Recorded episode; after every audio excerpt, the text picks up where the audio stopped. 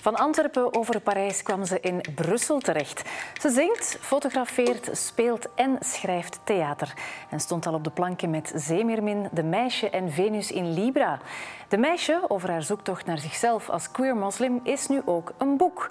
En dan vermeld ik nog niet de helft van waar ze allemaal mee bezig is. Ik praat vandaag met multiartist Jawad Aloul. Mogen we nog trots zijn op onze stad? Is Brussel klaar voor de toekomst? Waar blijft die ambitie? Wat zeggen de cijfers? Hoe dan? Bent u dan verantwoordelijk? Is dat nu zo moeilijk? Wat gaat u eraan doen? Bruist Brussel nog? Of kookt het potje stilaan over? Jawad Aloul, welkom in à la carte. Dankjewel. Hoe gaat het met jou? Goed, ik kom net van een weekje in Somleuze op een uh, nanofestival. Kermis heette het. Dus ik ben uh, opgeladen en uitgerust. Opgeladen en uitgerust. Ja, ja energiek en ja. Fijn, fijn. Want ja, soms vraag ik mij af, wanneer slaapt? slaap je eigenlijk? ik slaap zeker en vast, absoluut. Maar ik lig er meestal toch niet voor uh, half twaalf in. Mm, ja. Toch eerder een nachtbraker dan? Ja, of een avondmens? Ja, een nachtcreatieveling ook voornamelijk wel. Ik kan echt wel om twee uur s'nachts uh, soms wakker schieten en gewoon moeten beginnen schrijven. En, uh, uh, Jeroen weet dat inmiddels, dus dat is ook wel fijn dat een partner daar ook geen probleem van maakt. Ja, die draait je dan gewoon nog eens om. Ja, die slaapt er ook gewoon door, dus dat is eigenlijk heel goed. Ja, want ik heb jou uitgenodigd naar aanleiding van je boek, ja. De Meisje, voilà. Dat is het, het boek van uh, Jawad Aloul. Uh, het was al een theatervoorstelling, een monoloog. Maar nu is er dus dat boek. Um, ja, dat leest als een trein, als een TGV, zeg maar. maar ik denk dat jij ook leeft als een TGV, of niet? Uh, op zich, ik heb geleefd als een TGV en nu nog natuurlijk. Uh, nu als een stoptrein misschien? Of? Ja, nu durf ik toch wel uh, af en toe te stoppen en te zeggen van nu ga ik even een paar haltes overslaan of zo. En zeker na de laatste twee jaar heb ik toch wel ook heel veel gedaan. Dus juli, augustus ben ik 40 dagen naar Zuid-Amerika. Oh, dus, wow. ja. Ja, dat is al een heel mooi vooruitzicht. Ja, dat was mijn laatste vraag. Eigenlijk. Wat zijn jouw zomerplannen? Dus bij deze weten we dat al. Echt even weg. Even ja. gewoon uh, ontkoppelen. Ja. En ga je dat dan ook schrijven en creëren? Of is het echt gewoon om er te zijn?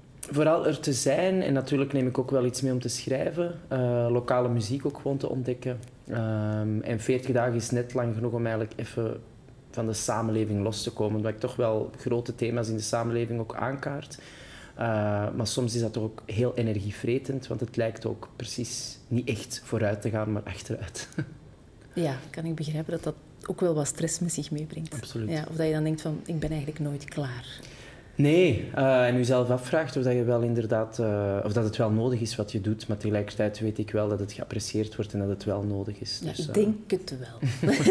ik ben er zelfs vrij zeker van dat je steentjes verlegt. Um, ja, 40 dagen ook wel een heel symbolisch getal. Nee? Mm -hmm. Een bedevaart, hè. Ja, Blijft natuurlijk... Uh, de, de, de, ik kan niet ontmoslimen of zo. Ontmoslimen? nee, dat gaat niet. Ik kan wel mijn, heb je dat mijn... ooit geprobeerd om te ontmoslimen? Ja, ja, net zoals Idris in het boek heb ik ook op mijn twintig jaar echt afstand gedaan van de islam en, en, en al zijn afgeleiden en van God en gewoon echt religie uh, overboord gegooid. Ja, want je was boos, hè? Ja, absoluut, absoluut. Ja, je moet verstaan, ik bedoel, mensen met een islamitische achtergrond die LGBT zijn, daar is niet echt een, een uh, tussenweg of een nuance. Het is wel of niet. Dus het is ofwel kom je uit de kast en ja, uh, moet je de gevolgen daarvan dragen. Ja, heb je een, een, moeilijk pad te gaan. Ja, en ofwel kies je natuurlijk niet uh, om, om homoseksueel te zijn, wat dat dan ook mag betekenen. Dus ja, er is natuurlijk wel, komt woede bij. Dus, ja. en er bestaat ook geen handleiding hè? van ja, hoe zeg je het tegen ouders? Hoe aanvaard je het bij jezelf? Is dat dan een beetje de handleiding die je vroeger gemist hebt, dat boek schrijven? Of moest het er gewoon uit? Nee, het moest er vooral uit, omdat het ook... Ik ben nu 37, dus het is ook niet meer mijn verhaal. Ik bedoel, inmiddels... Uh, ik denk dat een maand voor de première van De Meisje, drie jaar geleden, is mijn vader ook overleden. Dus ik ben nu eigenlijk uh, ouderloos. Dus voor mij is dat eigenlijk allemaal um, een vorig leven of zo. Ik, ik, uh, allez, ik, ik heb zeker nog mijn worstelingen rond mijn genderidentiteit en mijn geaardheid, omdat de samenleving nog altijd soms op een tragere versnelling of zo zit. Maar eigenlijk ben ik dat niet meer. Ik ben niet meer die persoon die nee. worstelde met, uh, met die grote vragen. Ja, niet meer dat jongetje dat toen een meisje wilde zijn ja. en dan, zoals Idris in het boek eigenlijk. Hè. Want het is ik, een uh... fictief verhaal, ja. maar er zit heel veel van jou in. Ja, de grote stukken, het verliezen van de moeder, thuis vertrekken en teruggaan en dan de band met de vader, uh, is één op één hetzelfde. Uh, daartussen heb ik heel veel vrijheid genomen. Zo heeft Idris ook een, een, beste vriend op de lagere school die dan twee mama's heeft, omdat dat ook wel vandaag veel voorkomend is. Later ook, uh, als ik het nachtleven inga, heb ik ook wel echt heel veel uh, gefantaseerd. Je hebt je goed laten gaan, denk ik. ja, absoluut. En tegelijkertijd heb ik ook wel van veel mensen te horen gekregen van het is toch jammer dat we weer een verhaal krijgen van, van iemand die inderdaad de nacht in verdwijnt en zichzelf een beetje verliest. Maar dat is ook de realiteit voor veel mensen die LGBT zijn, omdat dat hun veilige haven is die nachtclubs. Maar tegelijkertijd moet je daar ook wel sterk in je schoenen voor staan. Of je wordt heel snel natuurlijk uh, in een visieuze cirkel meegenomen. Ja, en veilig haven, maar enerzijds ook ja, het willen vergeten, denk ik. Ja. Of, het, of het, het willen verstoppen misschien, omdat je er zelf nog niet helemaal klaar mee bent of omdat je niet nergens terecht kan? Ga in de nacht is er meer anonimiteit natuurlijk. Hè? Mhm. En ook meer vrijheid. Want iedereen gedraagt zich ook wel anders als het donker is en, en er komt alcohol naar boven. Dus het is een combinatie tussen anonimiteit en die vrijheid die natuurlijk gewoon uh, een katalysator is voor gewoon ja, jonge LGBT's om daar hun toevlucht in te zoeken eigenlijk. Ja. Vind je dat ook in Brussel, die anonimiteit? Ja. Oeh, dat is een heel duidelijke ja. ik hou echt van Brussel. Ik, heb, ik bedoel, ik heb... Uh, bijna tien jaar geleden heb ik toen een vriendje hier in Brussel gehad en dan was het zaadje geplant van naar hier te verhuizen. Want je woont hier nu twee jaar, hè? Ja. En uh, sindsdien heb ik dat nooit meer losgelaten. Ik weet ook wel dat mijn Antwerps accent, dat, dat, dat zal altijd wel... Dat is ook niet zo erg. Nee, absoluut, absoluut. Je bent hier van harte welkom. Dank je wel, dank je wel. Ik, voel ik ben mij ook een ingeweken Brusselaar. Dus. ik voel mij ook echt heel welkom. Het is echt, uh, iedereen is hier migrant of zo. Iedereen komt wel van ergens. Zwaar. Um, en ik ben heel veel met energie bezig en hier hangt echt gewoon een andere energie dan in Antwerpen. In welke zin is die anders? Die is uh, bevrijdender of zo. Er is toch wel meer anarchie en tegelijkertijd is er ook meer uh, symfonie. Dus dat is heel, heel bizar om die twee, want mensen denken dikwijls bij chaos van, maar voor symfonie te creëren moet je eerst echt durven naar die chaos te gaan om dan eigenlijk ook terug gewoon uh, iedereen mee te krijgen. En natuurlijk heeft Brussel nog altijd ook zijn, zijn fouten en zijn pijnpunten, zoals elke grote stad. Maar er is toch wel een meer samenhorigheidsgevoel. Ja, want het is ook wel vrij dubbel hier in Brussel. Hè. Ja, is Brussel heel open als het gaat over seksualiteit en gender. Maar anderzijds ook ja, helemaal niet. Je kan nog niet, niet iedereen kan zomaar samen hand in hand over straat lopen.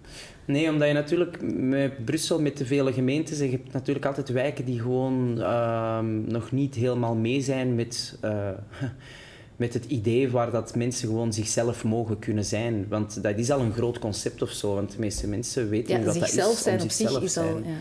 Um, dus ik denk dat we nu in een soort rare tussenfase zitten, waarin dat er natuurlijk jammer genoeg nog heel veel wijken zijn die gewoon homoseksualiteit niet kennen. En daardoor dat ook onmiddellijk zien als iets slecht en uit angst daar ook natuurlijk agressief op reageren. Ja, want je hebt ook al heel vaak gaan uitleggen, hè, bijvoorbeeld in scholen, van wat het is, uh, hoe je ermee kan omgaan, um, ja, wat breder identiteit is. Mm -hmm. um, hoe vind je daar de energie voor om dat elke keer opnieuw uit te leggen? Ik ben zelf natuurlijk, allez, ik ben Marokkaans opgevoed. Mijn ouders zijn eerste generatie, dus ik heb echt wel als kind en puber ook racisme gekend, ook islamofobie gekend. Ik bedoel, 9-11 kan ik me echt nog levendig voorstellen hoe dat de wereld daar echt is gewoon veranderd. En zeker de blik op moslims. Dus met moslimjongeren weet ik heel goed dat zij natuurlijk ook gediscrimineerd worden. Dus waarom zouden we van hen moeten eisen om open-minded te zijn naar mensen met een andere geaardheid en genderidentiteit, als ook heel veel mensen die open-minded zijn naar mensen die inderdaad kiezen van ik ga wel voor een soort uh, heel strikte levensstijl waarin ik inderdaad vijf keer per dag bid uh, en inderdaad enkel en alleen met mijn geloof bezig ben. Dus het is een, weet je, in een superdiverse samenleving is het echt wel geven en nemen. Ja. Waarin wij komen, ik, ben, ik kom van de jaren 90, waar het wel was van oké, okay, moslims moeten integreren in onze samenleving, waar integratie is eigenlijk echt wel geven en nemen. Iedereen moet integreren in deze samenleving, want anders is er geen... Ja, het is niet een eenrichtingsverhaal nee. natuurlijk, hè, integreren. Dus dat, dat, is waar ik de energie uit haal, omdat ik weet dat die jongeren ook echt wel het gevoel hebben er niet bij te horen. Dat ja, was ook wat waren zo de voornaamste reacties die je dan kreeg als je op een school ging spreken? Ja, de voornaamste reacties waren eigenlijk, ofwel was het, ja, dat is gewoon niet in onze cultuur, dus wij kunnen dat niet aanvaarden. Waarin ze wel na twee lesuren wel begreep van, oké, ik mag het ook niet discrimineren, ik mag er eigenlijk, ik mag er een gedachte over hebben, maar het uiten in woorden kan ook heel agressief overkomen of toch wel, oké, kwetsend zijn. Uh, maar er waren ook heel veel mensen die echt wel gewoon echt verschrikkelijkste dingen zeiden.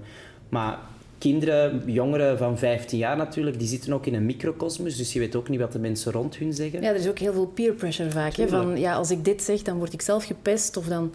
Tuurlijk. En ook gewoon rond seksualiteit is er nog heel veel taboe. Ja. ook onder heteroseksualiteit is er nog altijd heel veel taboe. Oké, we zitten nu in de... Seks is gewoon nog altijd taboe, denk ik. Zeker, zeker. Want je vindt ook dat we vaker of meer over seks zouden moeten spreken. Hè? Absoluut, absoluut. En ik bedoel, ik spreek uit ervaring. Ik kom zelf uit een, een, eh, een huishouden waarin dat er nooit over seks werd gesproken. Dat bestond ik ben zelf... Hoe, dat we hier dan gekomen zijn, dat weten we niet. Maar, maar het bestond niet. Ja.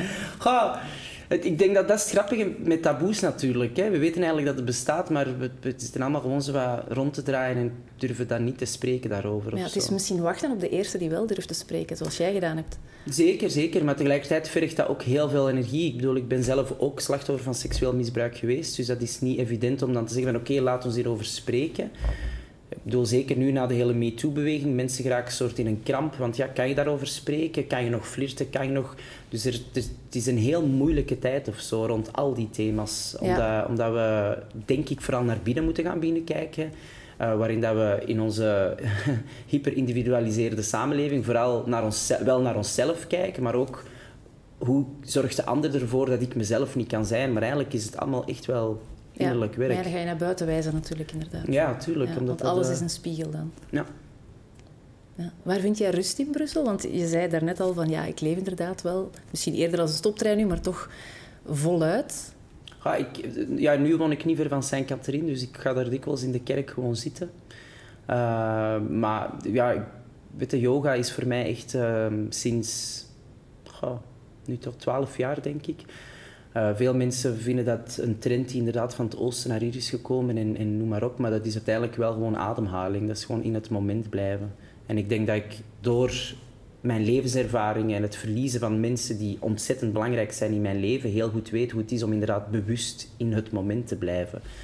Um, dus ik denk dat rust ook wel. Ik denk dat een van de met eerste meditatieboeken die ik gelezen had, was vooral gewoon: oké, bewust je handen wassen, bewust je koffie maken, bewust echt elk moment van de dag bewust iets doen. Mindfulness. Dus ik, ja. dus ik leef wel snel, maar tegelijkertijd doe ik ook wel alles bewust. En de laatste twee jaar heb ik ook wel geleerd om projecten uh... kan je nee zeggen? Kan je goed nee zeggen? Ja, ik kan nee zeggen, maar het is natuurlijk moeilijk. Ik bedoel, bijvoorbeeld met de Ramadan in Antwerpen was er een queer iftar geannuleerd. En dan heb je even anderhalf week lang veel media vragen om daarover te spreken. En dan kan ik geen nee zeggen, omdat ik dan ook voel van... Ik moet hier net iets zeggen, want hier is nuance nodig. Want ja, dat wordt dan gekaapt door politici. Die natuurlijk... Is dat jouw drijfveer, dat je zegt van er is te weinig nuance en ik wil dat brengen? Ja, Iedereen, het is zo zwart-wit momenteel. Terwijl dat eigenlijk, er is geen zwart-wit. Er is altijd... Er is, er is alleen maar grijs. Want het is heel makkelijk om een oordeel te vellen over iemand zijn acties, maar we weten nooit wat er de achterliggende motieven waren, wat de situatie was, hoe die persoon is opgegroeid. Maar dus het is, alleen complex, maar grijs. Zeker als je dingen wil in een artikel gieten, of en dan denk ik nu aan de media. Hè. Zeker, zeker. Maar ik denk niet alleen, want soms hebben we de, zo, ja, de schuld van de media. Ik denk dat media zeker mede verantwoordelijk is. Maar er is verschil tussen verantwoordelijkheid, denk ik, en schuld misschien. Of... Ja, verantwoordelijkheid, maar het is ook gewoon, ik bedoel, zie op sociale media, mensen pakken ook onmiddellijk hun klavier of een gsm vast om daar echt alle reacties op te geven onder artikelen. Dus het is gewoon ik zeg altijd voor de grap tegen mijn vrienden, want het zou goed zijn moesten wij eens een jaar gewoon allemaal niet meer kunnen spreken of zo. wij hebben zo de, een stiltejaar. de noodzaak om alles uh, in woorden uit te brengen. En ook, uh, weet je, misschien is vrije meningsuiting iets te ver gegaan.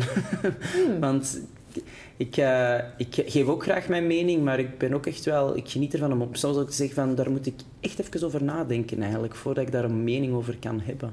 Ja, daar is niet altijd ruimte voor natuurlijk, hè? Nee, omdat als we het dan hebben over uh, grijze zone, daar moet je grijze massa dan even voor laten werken. In plaats van gewoon eigenlijk uh, als een losgeslagen projectiel eigenlijk gewoon... Uh, ja, en dat horen mensen ook vaak niet graag. Hè? Van ja, maar ik weet het eigenlijk nog niet. Of ik zoek nog naar een antwoord. Of, of ik weet niet of dat ik hier eigenlijk een mening over heb. Ik denk omdat dat echt... Wij zijn... Kwetsbaarheid vinden wij zo bevreemdend of zo. En daar zit eigenlijk kwetsbaarheid in. Ik weet het niet zeg je eigenlijk gewoon van... Want als je ja zegt en ik weet het, dat is... Hè, we, hebben jarenlang, ja, we hebben jarenlang ook gewoon leiders gezien en mensen. En ik bedoel, heel onze cultuur is toch wel patriarchaal. Dus is wel gebouwd op... Ik weet het en ik sta er klaar voor en ik ben altijd paraat. Maar tegelijkertijd, nu zitten we misschien in een fase van... misschien moeten we even wat nadenken en ruimte nemen om inderdaad uh, beslissingen te nemen of een mening te hebben of inderdaad verder te gaan tot actie. Of die twijfel omarmen dan. Ja, er is alleen maar twijfel. Want tegelijkertijd, in tijden van crisis, zoals nu een beetje, is er vaak ook wel een roep om een sterke leider, wat dat dan ook mogen zijn. Ja, ik, ik, uh, ik mis veel sterke leiders toch of zo. En wat is voor jou een sterke leider? Sterke leider is iemand die toch wel mensen samenbrengt door hun goede eigenschappen te, te benadrukken en door inderdaad te zeggen van in een samenleving heb je niet alleen sterke mensen nodig. Je hebt sterke mensen nodig. Je hebt mensen nodig die goed kunnen zorgen. Je hebt mensen nodig die muziek kunnen maken. Iedereen heeft, een utopie, maar iedereen heeft in een samenleving een rol die die echt wel kan brengen en zo ieder zijn glas eigenlijk mee kan vullen. Waarin dat we toch wel van een samenleving komen die je moet hard werken en je kan er geraken als je hard genoeg in jezelf geloopt en je moet tot de top geraken. Maar niet iedereen wil naar die top.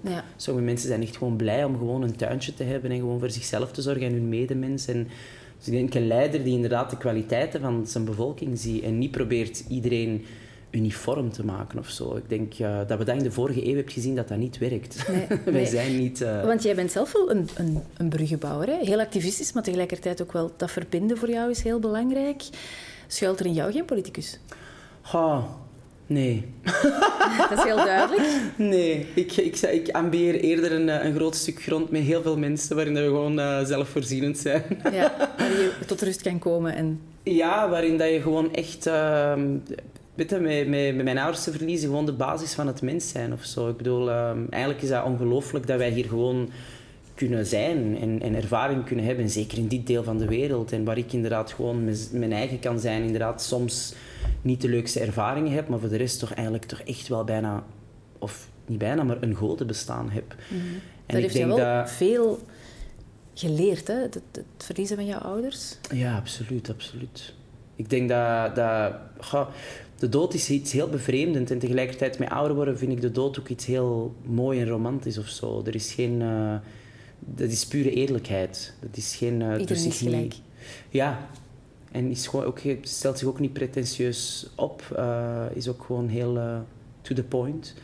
En tegelijkertijd geeft het ons ook net meer ruimte om dit leven te appreciëren of zo. Ja, ja. Dat, zijn, ja, dat is inderdaad... Je hebt geen top zonder dat je de dalen kunt natuurlijk. Nee, en het is ook, uh, dat zijn momenten die verankerd blijven of zo. Hè. Mijn moeder was ik 15, maar met mijn vader was ik echt wel een volwassen man die mijn eigen vader in de grond heeft gestopt. Dus dat, dat doet wel iets met u of zo.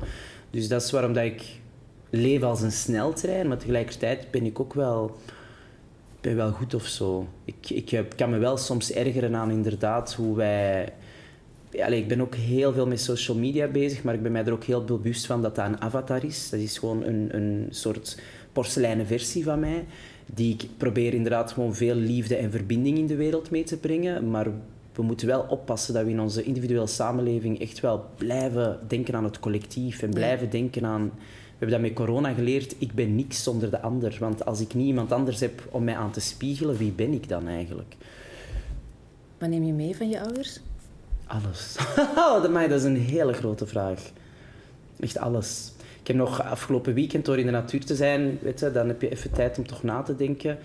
Ik merk vooral nu, uh, weet je, onze ouderrelatie is dikwijls gebaseerd ook op toch, wat hebben onze ouders tekort gedaan en wat hadden ze beter kunnen doen.